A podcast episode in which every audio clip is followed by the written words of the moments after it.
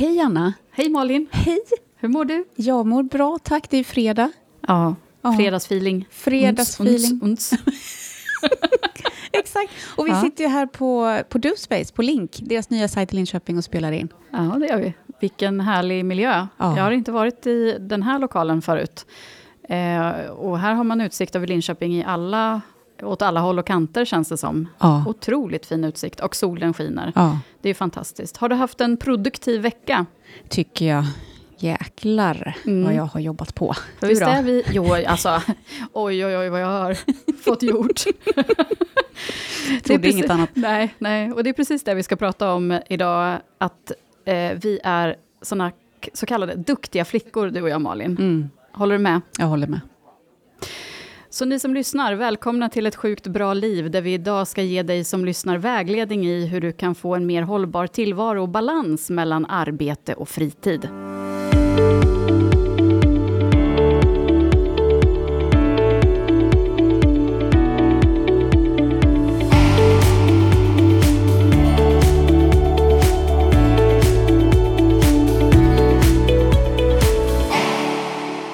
Vi nu väljer att omdefiniera den här, det här uttrycket duktig flicka, duktig människa till att eh, istället kalla det för högpresterande människa. Hur vet jag att jag är en sån? Ja, men de här personerna, ja, vi stundtals, många andra eh, personer, är ju de här personerna som är ja, men, hårt arbetande, eh, tycker om att drivas på. Vad är det här drivsystemet som vi ska prata om lite idag? Man är produktiv, effektiv, ofta begåvad, får vi hoppas att vi är då. eh, prestationsprinsessa hittade jag på ett ställe. Eh, det, pratar man mycket om förr, har jag, men inte så mycket numera. Jag har nog aldrig hört det uttrycket faktiskt. Nej. Prestationsprinsessa, det Ja. tyckte jag lät... Det, det, det, det, det klingar positivt hos mig. Ja, men vad trevligt. Jag är gärna en prinsessa. Jag Ge kan mig gärna kronan. vara... Jag, jag har ju prestation dessutom. Ja, exakt. Ja, Ja. men vi kan vara, det kan vi vara du och Vi jag. kan vara prestationsprinsessor. I alla fall tills att vi har börjat att definiera det här, vad, Ja, vad det betyder då. Eh, om, vi, om, vi, om vi går in på det då, vad, hur definieras en, en högpresterande människa? ja, men det är ju ofta de där personerna som bär upp sitt arbetslag. lag. Man är högproduktiv, eh, man är den högra handen, eh, man är självständig. Eh, Check, check, check. Ja, Nej. precis. Säger vi själva. Och, här, Eh. nu, och sen kommer du komma till att det här kanske inte är helt bra. Men, Nej, men vi, nej, vi just det. fortsätter Men vi fortsätter, ja. Nej, men man levererar ofta bra resultat och man är ofta en dröm eh, för, för chefen eh, tills man har kört över sina egna behov länge nog så att man kanske behöver gå hem. Det ska vi också prata om. Eh, och får oftast de där tuffaste projekten och man är mentor för andra och eh, fixar fika och man frågar hur folk mår och, och sådana saker. Det behöver inte vara så. Det här är inte liksom... Det här är en blandning av studier, evidens, diskussioner som jag hittat, tankar i poddar, ja, Mm. fram och tillbaka. Mm. Men eh, hur, hur produktiv kan man bli då? Jätte. Jätteproduktiv. Ja. Ja. Vad menar du? Nej, men jag, jag läste någonstans om att eh, en, en högpresterande eh, person kan, bli, kan vara liksom, eh, nästan uppemot 400 procent mer produktiv. Det låter ju nästan Ja, inte riktigt sant. Men, Nej, just det. Eh, ja, nej, men det stämmer ju. Det, det finns en studie från eh, Harvard som eh, har gjorts där man har tittat på att en högpresterande medarbetare kan vara så mycket som 400 procent mer produktiv än övriga. det eh, låter ju helt... Hej och hå, Ja. liksom. Du, du, du, istället, du har liksom åtta gånger eh, fyra, du har 300... Tre, nu, ja, Ja. många fler timmar på Hur dygnet. i var det nu? Vi var smarta, eller hur var det? Det här med matematik, Ja, Malin, det exakt. var kanske inte mitt starka ämne. Nej, det är samma här. Mm. Mm. Nej, men eh, det stämmer alltså. Eller det, är i alla fall, det finns forskning som visar på att det, det kan vara så pass i alla fall. Ja, nu är det här en studie och ibland är det så här, en studie, jag säger inte allting om alla och beroende på omständigheter och sådär. Men, Mm. men det man är överens om är väl att eh, de här personerna, ja men de levererar mycket. Ehm, och, ehm, ja, och det ska vi prata om lite idag. Är det där bra eller dåligt? Eller ja, hur ska Mm. vi liksom eh, göra för att det ska bli bra i längden? Hur ska man, ja, behöver man liksom ge 100% hela tiden? Eller eh, 100% när det gäller. Ja, vad säger du? Jag är ju mer för det där att ge 100% när det gäller. Mm. Ja. Och då kommer vi också lite in på det där med vad är skillnaden mellan att vara högpresterande och kanske arbetsnarkoman. För det läste jag också lite om. Eh, Det här finns lite olika tankar om såklart, men jag tyckte det var lite intressant med den där beskrivningen att ja, men en högpresterande person tenderar mer liksom att ha kanske lite mer koll på vad man ska göra, kunna prioritera, sortera. Eh, inte alla såklart, men eh, säga ja och nej och, och så vidare. Och där tänker jag att det där, är inte det det nya svarta? Säga nej. Jo, men det är väl också... Eh, jag vet inte om det kanske är en mognadsfråga eller om det är en eh, åldersfråga. Alltså erfarenhetsmässigt. Det här att, att säga nej i olika sammanhang kan ju vara mer eller mindre läskigt. Kommer du in ny på en arbetsplats till exempel, så då kanske det inte det första du gör är att du säger nej till chefen. Nej. Eh, men eh, med tid på den här arbetsplatsen så kanske du känner dig tillräckligt trygg att veta vad som förväntas av dig och vad du, vad som ryms inom din, din tid och Mm. ditt engagemang. Och då kanske det också känns lättare att kunna säga nej. Sant. Ehm, så jag har väl egentligen... ehm, eh, om, om jag tittar tillbaka på mitt yrkesliv, när jag började kliva in i mediebranschen, då kändes det ju inte helt optimalt att eh, säga nej Nej. på redaktionsgolven, där eh, nyhetschefer eh, liksom styrde över vad man eh, skulle ta sig för. Mm. För det fanns alltid många där bakom som var ute efter samma jobb som dig. Det fanns en otroligt stor konkurrens eh, inom den här sektorn. Och, den, det, det, det, och då kändes det otroligt läskigt att säga nej när eh, det kom ett uppdrag. Eh. Från chef eller eh, kollega som vill ha hjälp eller sådär. Mm. Eh, och då minns jag att jag hade eh, som ett eget sånt där mindset och mantra att jag skulle bli bäst på allt jag företog mig. Allt jag levererade skulle vara top notch. Oj, oj, oj. Eh, så det var ju otroligt pressande under många år Ja, verkligen. i, i, eh, i mitt yrkesliv. Sen så med tid så hamnade jag i, i andra positioner. Jag tog eh, arbetsledande positioner, chefspositioner och så vidare. Kände mig mer trygg. Eh, visste mitt värde Ja. mer kanske också. Och Och var det något som kom bara sådär? Eller det här att veta sitt värde? Eller fick du göra ett jobb med det? Eller hur? Nej, men det märkte jag nog eh, när jag... Jag har... Det, det är inte många jobb som jag har själv sökt, Nej. till exempel. Utan jag har många gånger blivit uppringd av arbetsgivare. Så att jag har ju haft den lyxiga tillvaron. Mm. Men det gjorde ju också att jag fick en känsla för att min kompetens efterfrågas. Eh, och det gjorde det ju också lite lättare att jag har aldrig behövt känna den här pressen att jag står inför att jag måste hitta ett nytt jobb. Utan jag har haft den här lyxen att kunna välja mellan vilket, vilken arbetsplats jag vill vara kvar på. Oj, oj, oj. Ja, jag vet. Ja, det är så lyxigt så det är inte klokt. En liten prinsessa. Ja, Nej. tack ska du ha Ja, Malin. varsågod. jag har aldrig upplevt några motgångar i hela mitt liv. Precis, exakt. Men jag tror också att det kan, det kan också vara lite generationsgrejen där. Att jag, eh, jag upplever nog att det är otroligt... Eh, om jag tyckte det var tufft när jag började, gick in i mediebranschen för 25-30 år sedan, eh, så är det ju ingenting mot hur det ser ut idag.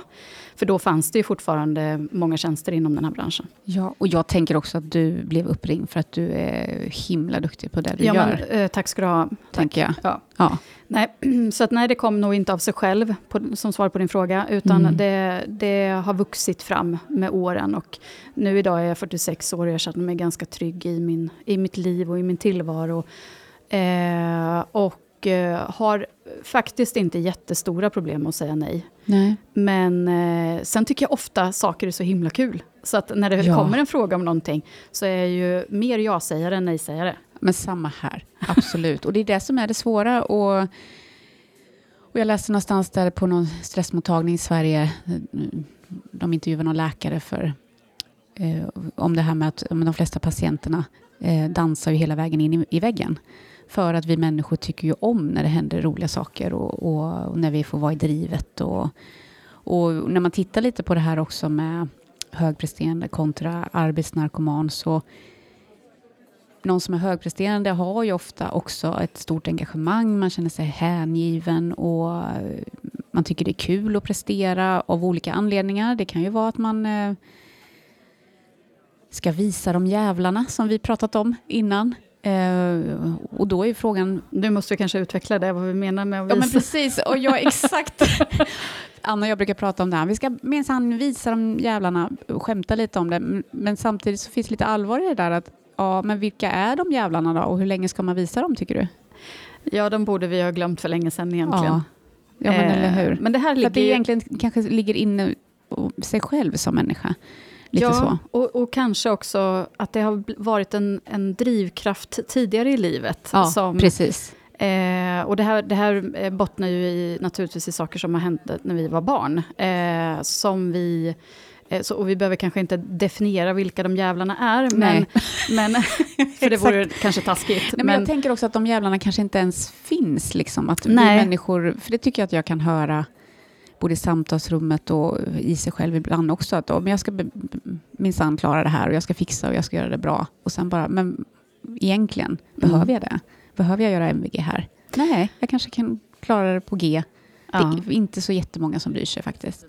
Nej, samtidigt så när eh, jag tänker tillbaka på den tiden som jag har lite i, i bakhuvudet när jag säger de jävlarna, det är ju att Eh, min tillvaro som, eh, som barn kanske inte riktigt var eh, lajbans alla gånger. Mm. Eh, och jag tror att ganska många vuxna visste om det. Mm. Eh, hur, det hur det såg ut och hur det var ställt inom min, eh, min värld. Okay. Eh, så att mycket har varit där att visa att bara för att det har varit dåligt i barndomen, mm. jag har inte bara haft det dåligt, Nej. men, men så behöver inte det betyda att man kommer in i samma dåliga loop själv.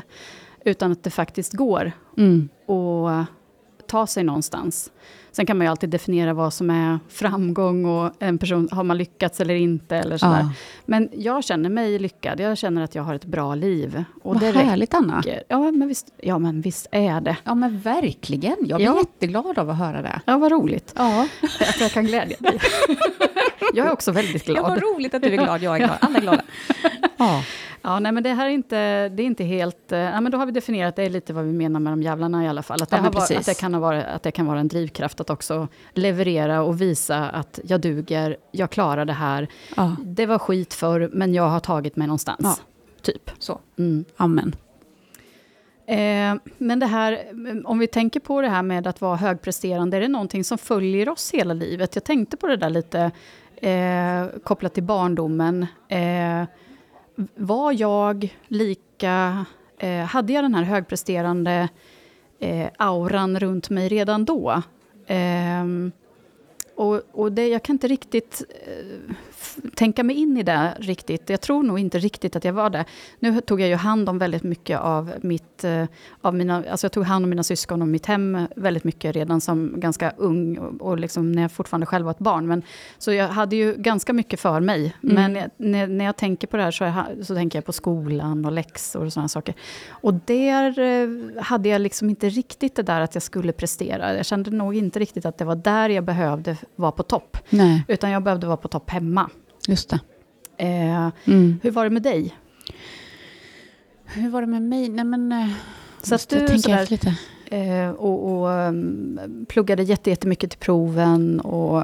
Nej, nej, det gjorde jag inte. Alltså, tyvärr handlar inte det om att jag var otroligt smart så att jag inte behövde, utan det handlar om att jag men jag kommer från en bakgrund, det är arbetarklass, det är, eh, jag är mellanbarn. Vi hade det inte alltid så lätt eh, ekonomiskt och sådär och mina föräldrar kämpade eh, på olika sätt. Pappa jobbar som svetsare och, och, mamma har haft olika jobb på fabrik och sådär men också mått väldigt dåligt i perioder. Eh, och kommer från en, en, en eh, bakgrund där ja, men man hade med sig tidigt liksom att nej, men det är viktigt att göra rätt för sig och skaffa sig ett jobb och, och vad den är för jobb. Liksom. Du ska ha ett jobb så att du kan betala en räkning är jätteviktigt. Och då, det var inte sådana diskussioner om att plugget var viktigt på det sättet. Eh, jag hankade mig fram och hade väl liksom lite så medel mm. Eh, och, och kom in på det som jag ville och sådär. Men inte, jag fick kämpa lite grann. Absolut. Och har också haft en liten rastlöshet eh, i mig och eh, lite koncentrationssvårigheter på ett sätt också. Men jag har liksom alltid klarat mig. Eh, så, så att jag... Mm, jag kan inte minnas att jag var sådär att nu här så måste jag liksom prestera. Det har kommit mer sen när jag har börjat um, jobba. För där känn, märkte jag ju att jag kom till min rätt, kvick som jag är. Mm. Att jag kunde liksom leverera. Och, eh, jag tänkte säga kvick som en vessla, men ja. det, det låter nästan negativt. Men ja, nej, men det, jag, kan, ja, nej, men jag har nog varit lite så. Eh, så jag har fått jobba mycket med det där och sänka tempot och eh, fundera över egentligen vad är det jag springer på och varför springer jag. Och, och eh, vilka är det som jag ska bevisa för? Eh, och det kanske är det där lite att om jag, jag ville liksom, för när jag sen valde att läsa vidare eh, på universitetet och sådär, ja, men då var det ju eh, det var nog utifrån någon sån här tanke att ja, men jag ska minsann eh, testa något här som inte någon har gjort i, i familjen eller i släkten faktiskt så. Eh, Va, hur, hur togs det emot eh, när du berättade att du skulle börja plugga? Det kanske inte var någon stor grej? Nej, men alltså jag...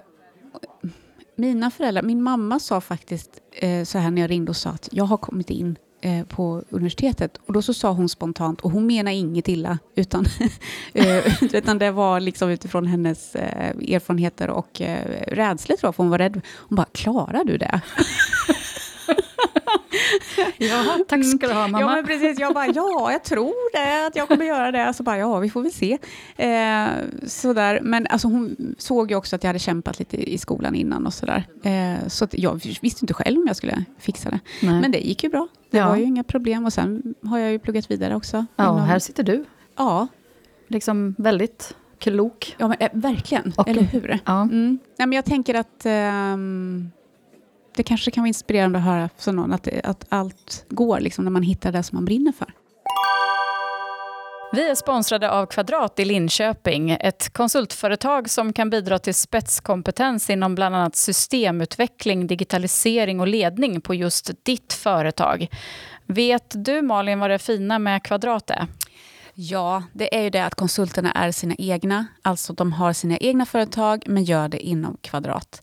Kvadrat hjälper då till med allt det där inom företagandet som många kanske tycker är knepigt.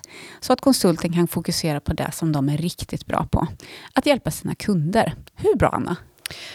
Ja, det är jättebra. Och en annan fördel är att du själv styr vilka uppdrag du arbetar med eftersom att det är ditt företagande. Men du kan ändå få uppdrag av Kvadrat. Och på så sätt så behöver du inte vara orolig för att uppdragen sinar. Och det måste ju vara det optimala sättet att vara egenföretagare. Så har du konsultdrömmar och vill arbeta med ett företag vars vision är att arbeta med världens lyckligaste yrkesmänniskor, då ska du kontakta Kvadrat i Linköping. Tack Kvadrat. Tack.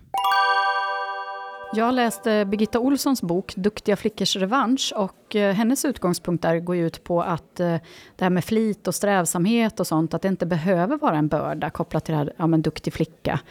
Eh, vad tänker du kring det? Nej, men jag tänker, har man koll på sina kort, som vi har pratat om innan, eh, och vet lite vart man ska och varför man ska dit och sådär, då tänker jag att men då är man lite mer medveten om så här, om man, när ska jag gasa och när ska jag bromsa och ha koll på sin skit. Mm. Eh, liksom. ja. och, och, det är inte så lätt som människa, vill jag tillägga. Nej, det ska man veta. Ja, herregud. Nej, men för jag tänker någonstans så måste det ju vara så att om du har ett högt uppsatt mål för dig själv, mm som eh, kommer att kräva hårt arbete, eh, då kanske det... Eh, man brukar säga hårt arbete lönar sig. Mm. det kanske är det hon far efter lite. Att det behöver inte vara fult att man faktiskt gillar att jobba och vara på jobbet och ta på sig lite extra uppdrag. Att, bara för att jag gör det här noggrant och lägger mycket tid på det så betyder inte det att jag är en, någon, en människa som måste ta bort det från mig själv. Nej. Att, eh, det behöver inte vara något dåligt. Eh, och det behöver inte leda till utbrändhet eller Nej, men så. precis så. Och jag tänker att och det är lite det jag far efter. Hoppas att den här podden kan hjälpa till lite med att om vi börjar ställa oss de här frågorna innan vi far illa av till exempel ett roligt jobb eller sådär. Att faktiskt, men hur ska jag ta hand om mig själv på vägen? Så, så eh, blir det ju mer hållbart. Eh, liksom, och, det, och det är ju kul eh, ofta. Både det kan vara jobb och fritid och sådär och, och ha, ha mycket att göra. Det är många som tycker. Men eh, vi behöver ju också den där inplanerade återhämtningen. Ja, jag. men det är det många upplever också som har kanske haft eh, en utbrändhet bakom sig. De är mer medvetna om signalerna nästa gång. Eh, sen betyder det kanske inte att man ändå lyckas att bromsa, men det finns en... Det, det hör jag i alla fall bland kompisar och så att ehm, om jag bara hade vetat det här Ja. innan Mm. varför är vi så, så korkade vi människor? Det är samma sak, eh, min mamma lever inte längre så jag, jag kan säga det här utan att det är några konstigheter. Men, men eh, hon, hon rökte Mm. eh, otroligt mycket Mm. och eh, levde inte alls eh, eh, jättehälsosamt. Eh, och det här var hon högst medveten om och förstod att det här kommer barka i en felaktig riktning om jag inte slutar med det här eller så. Eh, men hade ändå inte kraften att ta sig ur det eh, och eh, få hjälp med det. Och ja, det slutade som det gjorde då. Mm. Eh, att vi måste få, det, det, det känns som att ibland krävs en katastrof eller då en, en, en ut, utbrändhet för att till slut liksom bromsa det här. Vad kan man göra? Vad, vad, vad är det för signaler vi ska vara vaksamma på hos oss själva? Eh, för jag tänker att eh, runt omkring oss så kanske eh, det kanske är lättast först att läsa sig själv. För Mm. de första signalerna gissar jag är mer inom, de kanske inte syns på ytan riktigt, utan de pågår inom dig. Vilka, Precis. vad är det som pågår i början? Ja, men jag tänker två saker här. Det ena är ju det här liksom, eh, konkreta symptom på till exempel stress eller att vi Ja. har kört hårt och sådär.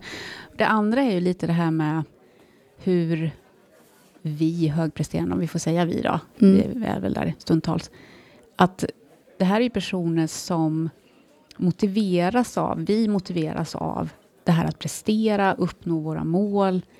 Eh, och att vi har nästan en sån här naiv övertygelse ibland, liksom att allting är möjligt och att vägen dit är, ja men jag ger det lite mer tid och bara pressar mig lite mer så, så går det vägen. Eh, samtidigt så ser man det här att högpresterande personer ändå kan lära sig av misstag. Man ger inte upp, liksom, man bara kör på. Eh, och, och det i sig är väl inte fel eller dåligt, men om vi gör det för mycket och inte planerar in återhämtning, ja men då kan det ju gå riktigt eh, illa. Och där tänker jag att många som eh, kommer till vår mottagning till exempel, eh, och vänner och sådär, och, eh, och du kanske känner, själv känner igen dem, Anna, lite det här när man, många som säger, ja men jag kände ju de där symptomen tidigt, men jag, jag tänkte, ja, men jag ska bara göra det här innan. Vad, om du, vad, vad kan det vara konkret då? Alltså det kan ju vara lite att kroppen börjar reagera. Eh, jag har haft sjuksköterskor på mina olika jobb som alltid har sagt så här, ja, men när magen börjar reagera, magen är liksom lite så kvitto på hur du mår. Ehm, eh, man blir oftare sjuk kanske, man börjar bli lite irriterad kanske, man eh, börjar känna oro. Sömnen är ju sån där grej som vi ofta frågar väldigt mycket om. Hur sover du? Ehm, man börjar känna sig orkeslös, eh, irriterad, eh, koncentrationssvårigheter, hjärtklappning och så vidare. Eh, och det här kan vara olika för olika människor. Vad man får för signaler. Många, en del pratar om det här, det börjar pirra i kroppen och, och sådär. Och har man haft en utbrändhet så har man ju ofta lärt sig då att, ja men nu vet jag, nu måste jag backa eller sådär. Men eh, person, innan, jag tänker där att vi människor vi kör på tills vi får smällar. Alltså vi är inte smartare än så, att säga. Och då behöver vi lära oss. Hur fungerar jag som människa? Vad är jag drivs av? Eh, och lära känna sina kort. Ja, det Vad tycker du ju- om det svaret? Ja, det, det lät bra. Då, nästa fråga. Ja. Nej, men hur ska man ta det här vidare då i vardagen, tänker jag? För, för jag eh, funderade på det här med eh, balansen mellan hem och arbete, Mm. alltså fritid och arbete. Att eh, om du har väldigt mycket på jobbet eh, så kanske man eh, behöver ha lite mindre att göra eh, på fritiden. Eller, alltså, du kanske inte ska boka upp lika mycket saker som kräver prestation när du är där. Du vet kanske att du har jättemycket att göra i april och maj på jobbet och Mm. då kanske du kan ta det lugnare hemma. Mm. Och vice versa. Precis. Eh, men på något sätt så känns det som att många jag hör, mina syskon också som har eh, småbarn och sådär, jag tycker, att, eh, jag tycker så synd om dem för att de, de ska vara supermänniskor. Ja. Alltså de, de, trots att de inte har sovit något på nätterna så ska de på föräldramöten, de ska eh, hitta på skojsaker med familjen. Oj, vi måste åka skridskor idag, eh, eller vi måste åka skidor, vi måste passa på att utnyttja snön, vi måste ut och rulla snögubbar. Mm. Eh, vi ska tänka miljömedvetet, vi ska åka till återvinningen, vi måste skölja ur våra burkar, vi får absolut inte Ja. kasta glas i soporna. Jag känner igen mig själv där också. Vi ska vara en god medmänniska, vi ska vara bästa vänner till jättemånga vänner och eh, ja, men, eh, ja, alltså jag förstår inte hur de, eh, hur de orkar.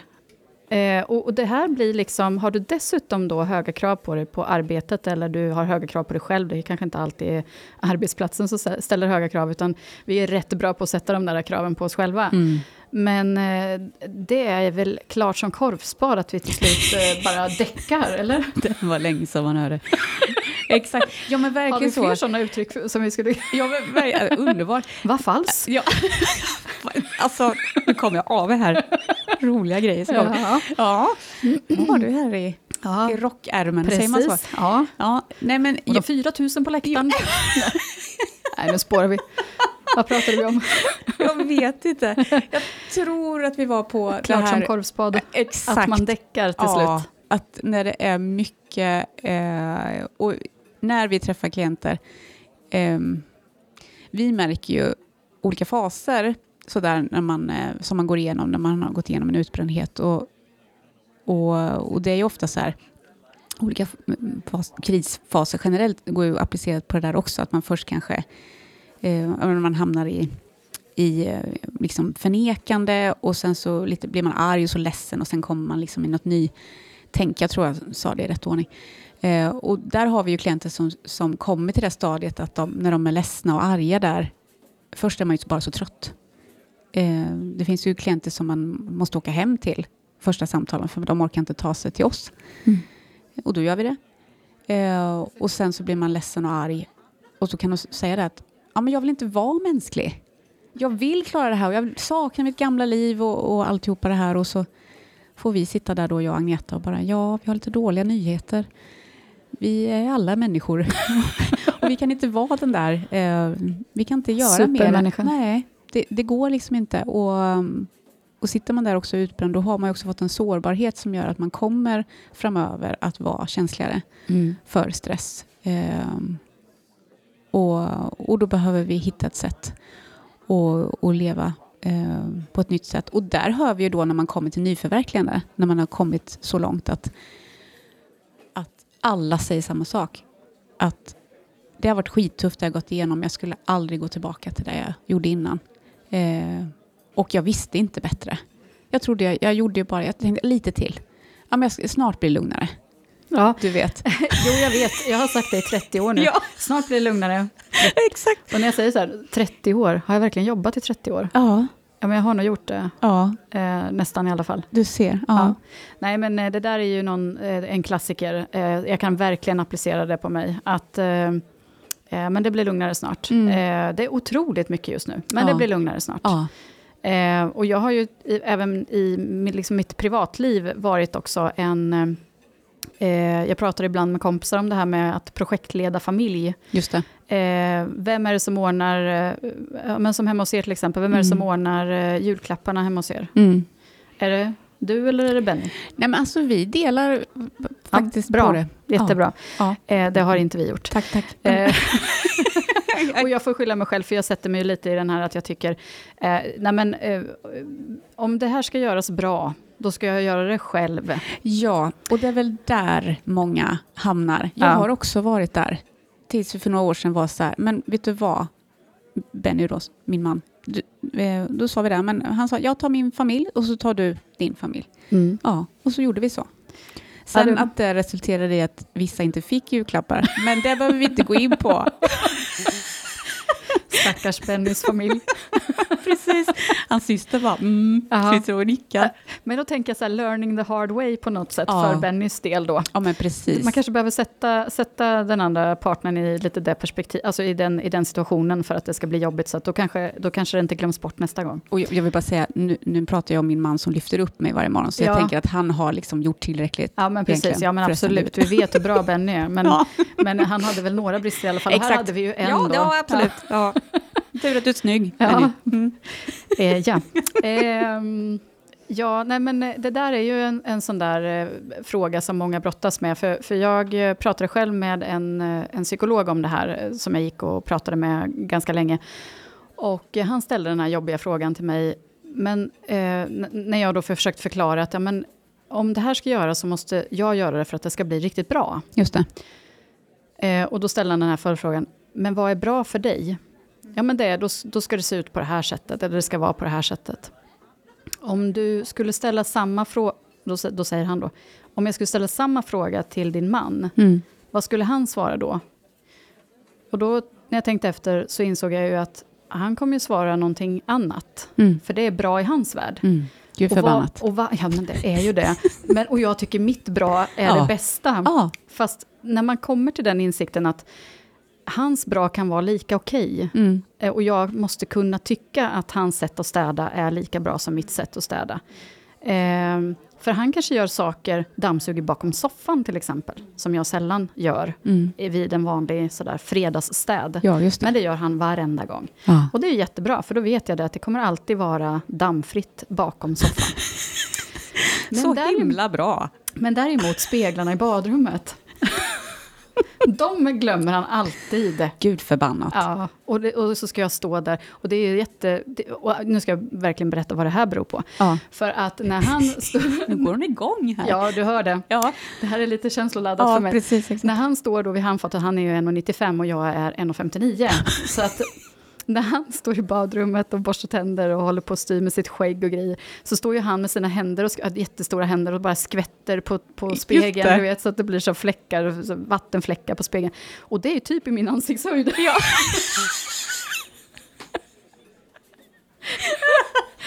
ja. ja. Ja. ja, och där har du då problemet att han ser inte ens att det är fläckar på, på för Nej. det är så långt ner. Såklart. Och för mig Såklart. så blir det ett jättestellage här då när jag ska måla på min mascara och sådär. Så, Ja. ser, så ser jag knappt för att det är massa gråa fläckar överallt. Ja. Och så. Ja, men du ser, det var en liten glimt i vårt vardagsliv. Ja, väldigt roligt sånt tycker jag. Ja. Mm. Eh, men... ehm, Och jag kan ju säga att om jag hade kommit hem till dig där så eh, hade jag haft samma problem, för jag är ju typ bara någon centimeter längre än vad du är. Ja, precis. Ja, du ser. Eh, Ja. Det är för övrigt ett jättebesvär tycker jag, i folks läge, gamla lägenheter. Jag har ett par kompisar som bor inne i stan, de har en, eh, deras speglar, jag ser inte ens Nej. upp. Jag ser inte mig själv. Det finns en liten barnpall där Ja, som deras den. barn använder. Ja, jag har också hamnat där ibland. Ja. Jävligt. Det är diskriminering. Ja, det är det. Mm. Kränkt. Men eh, hur kan vi hamna i det här läget då med good enough? För det är väl lite det, om, om alla människor borde, borde liksom kunde landa in i så här, men det här är good enough. Eh, hur, ska, hur ska det vara möjligt? Hur kan, hur kan det vara möjligt? Alltså, hur, hur ska vi komma dit? Eh, en del tycker ju dessutom att det är fult att säga så här, good enough. Nej, det duger inte. Nej. Eh, det är inte tillräckligt bra. Nej. Och jag och Agneta brukar ju säga det sådär att ja, nej, men kör på du som du gör och sen så får vi komma hem och ha samtalen sen när du inte orkar gå hit. Eh, värsta, det är inte så att alla hamnar där, men det är väldigt lätt och det är inte värt det.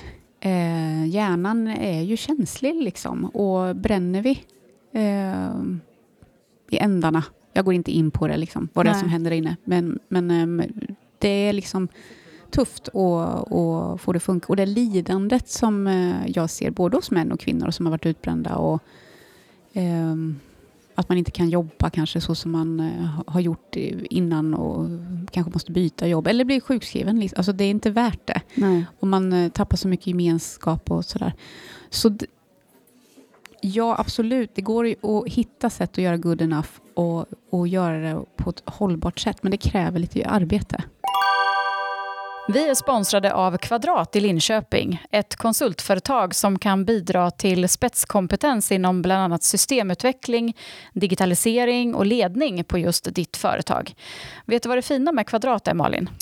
Ja, det vet jag. Och det är ju att deras konsulter sägs vara världens lyckligaste yrkesmänniskor. Och tänk att ett konsultföretag har det som vision. Det är rätt häftigt alltså. Ja, det är det. Eh, och deras konsulter arbetar inom en massa olika branscher och via deras hemsida så kan du söka på olika kompetenser som finns att ta hjälp av. Att anlita en konsult är ju ofta ett eh, rätt smidigt sätt att få just den spetskompetensen som företaget saknar i både långa och korta projekt, men där företaget kanske inte ser att kompetensen behövs permanent. Och då kan ju konsulten göra nytta ett tag och sen gå till nästa företag och hjälpa till där också. Så har ert företag något uppdrag eller projekt där ni kan komma att behöva spetskompetens, besök då Kvadrat i Linköpings hemsida och kontakta någon där och berätta vad ni har på gång så kan matchningen börja. Tack Kvadrat. Tack Kvadrat. Ja, och jag tänkte att vi kanske skulle eh, komma med lite tips på hur vi har kommit eh, liksom dit där vi är. Nu är ju inte vi några praktexempel alla gånger, men ändå har vi båda två upplever någon slags medvetenhet i det här. Mm. Eh, och eh, ett tips som jag har, som jag eh, skulle kunna skicka med, det är ju att eh, börja med att prata med min eh, chef och min familj. För det är ju de som på något sätt kommer se det här först, på, att nu har jag, lite, nu har jag lite för mycket. Mm. och kanske behöver hjälp med att sortera eller prioritera eller vad det kan vara för någonting. och det i kombination med att planera och kalkylera min tid, för det har jag upplevt varit ganska eh, smart. Det är ett bra, som du brukar säga, lifehack. Mm. Att om jag har ett uppdrag som ska utföras, att jag sätter mig ner i kalendern, eh, funderar över hur lång tid det kan ta att utföra det här uppdraget. Låt säga att det handlar om att jag ska handla eh, middagen till kvällen. Mm. Vi kan ta bara en sån enkel grej. Mm. Eh, så ska jag åka till butiken. Jag ska handla maten, jag ska hem med maten. Ja, men då tar det, det tar en timme. Och så lägger jag in det i kalendern. Då ser jag den timmen är borta för det. Ska jag laga maten? Alltså, och det här kan man ju då applicera på sitt arbetsliv. Att även de här små sakerna som, som kanske inte man tror tar så där jättelång tid, tar ändå lite tid att både sätta sig in i, eh, att eh, utföra och kanske då utvärdera. Alltså att lägga in det här i kalendern, för då ser du också nej men nu finns det inte mer tid kvar. Nej. Nu, finns inte, nu finns inte luckan att ta ett uppdrag till. Det blir så visuellt då. Precis. Bra. Eh, så det, det, det är tips från mig. Har du något tips? Nej, men eh, jag tänker att arbetsterapeuten här borta har sagt ett jättebra tips. Det är ju toppen, det är precis så vi jobbar. Att ja. liksom strukturera och planera upp för att du ska få mer koll på vad är det faktiskt du gör på din dag och gärna lägga in i kalender, färgkoordinera så man ser vad är det som tar energi och vad är det som, som ger. Och, och jättebra det här att faktiskt prata med sin familj, involvera sin chef. Um, när vi människor är stressade så har vi ju svårt att själva kanske hitta lösningar för att ta sig ur det. Och kommer andra också med massa tips där så är det, ofta, det är ju lite avstängd inlärning också så det är svårt att ta in de där tipsen. Mm. Um, så jag tänker att uh, bra tips där Anna.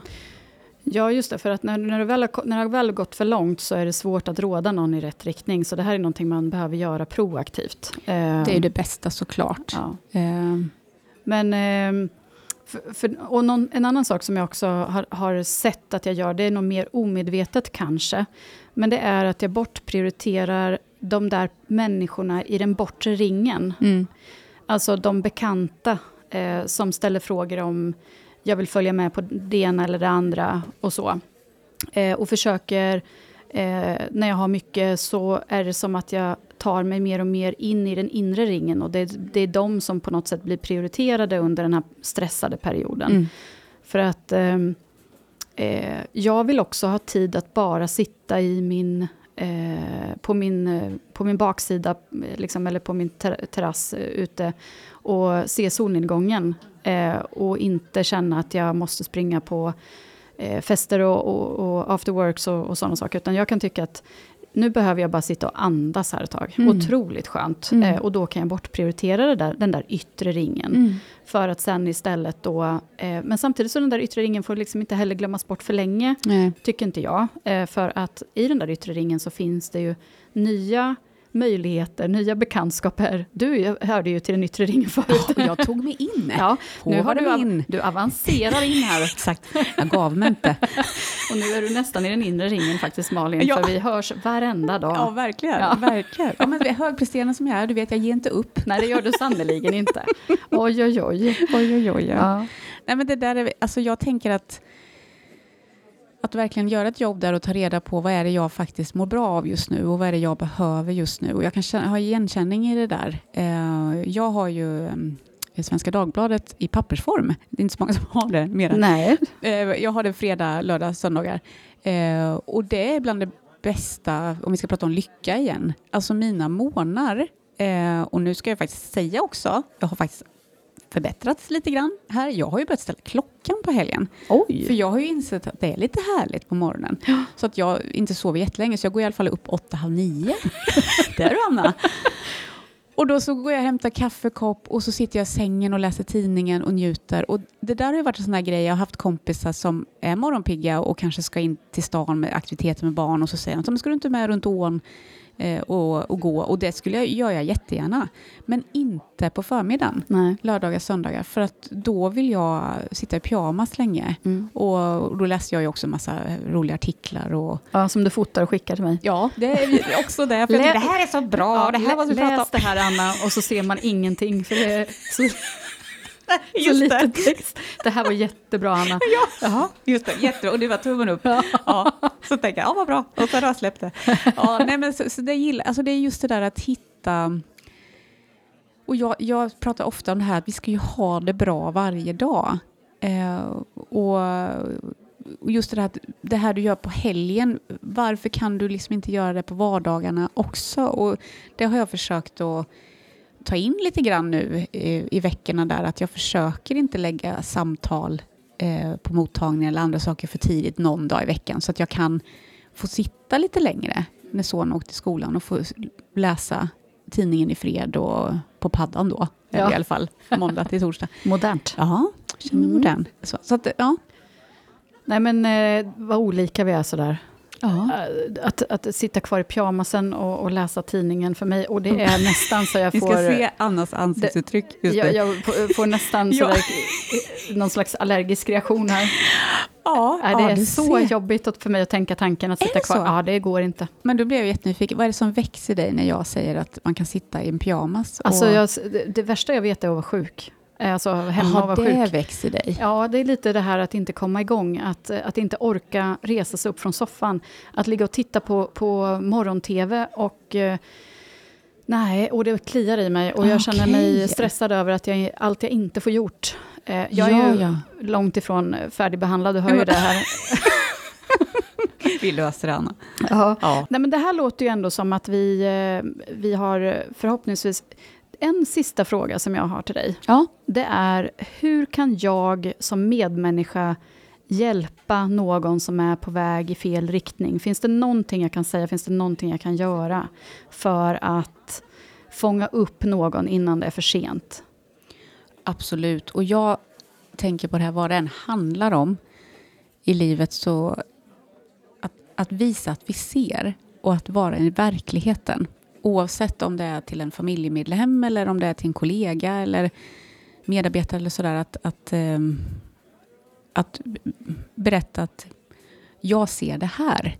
Jag ser en skillnad, till exempel i humöret eller eh, att du går fortare eller eh, sådär. Vad tänker du om, om, om det? Eh, och när en människa är stressad så kan man ju, den bli irriterad och säga nej men det är ingen fara. Eh, sådär, ja, nej, men jag, jag bara säger att jag ser, liksom, att jag, jag märker en, en skillnad. Finns det någonting som vi kan hjälpa till med? Att starta en diskussion eh, kring det. För man, det, man väcker ju ofta någonting hos den personen. Så kanske den får gå och fundera lite på det och lugna ner sig lite och, och fundera. Och så kanske det kommer tillbaka och så kan en diskussion ske. Jag tänker det är det första vi kan göra. Att beskriva vad vi ser på ett lugnt och snällt sätt. Ofta också beskriva det när personen är lugn. till den. Så att man inte tar den när den är som mest stressad, för då kommer inte den komma, kunna ta in det. Bra tips Malin. Mm. Eh, Varsågod. Ja, jojomensan. Jajamän. Nu är det fredag kväll och eh, vi har varit otroligt produktiva hela den här veckan och hela den här dagen och hela, eh, ja, hela kvällen kanske vi också ska vara produktiva. Vi ska ju ha lite, lite eh, Lattjo Lajban här ikväll. Det blir jättetrevligt tycker jag och eh, ni som lyssnar, ni kommer säkert att ha sett en del av det här på på vårt Instagramkonto. Eh, Precis, vi ska så- ha en liten releasefest här och fira podden och livet för de närmsta ja, i vårt crew. Ja, Mm. och det, vi, har, vi hade aldrig kunnat ana att vi skulle få sån här respons på podden som vi har fått. Otroligt roligt och tack för att ni lyssnar. Mm, Och fortsätt gärna göra det och, och sprida vår podd till andra som ni tror kan komma att uppskatta den. Och så hörs vi igen om två veckor. Ha det så fint! Ta hand om er. Vi är bara människor.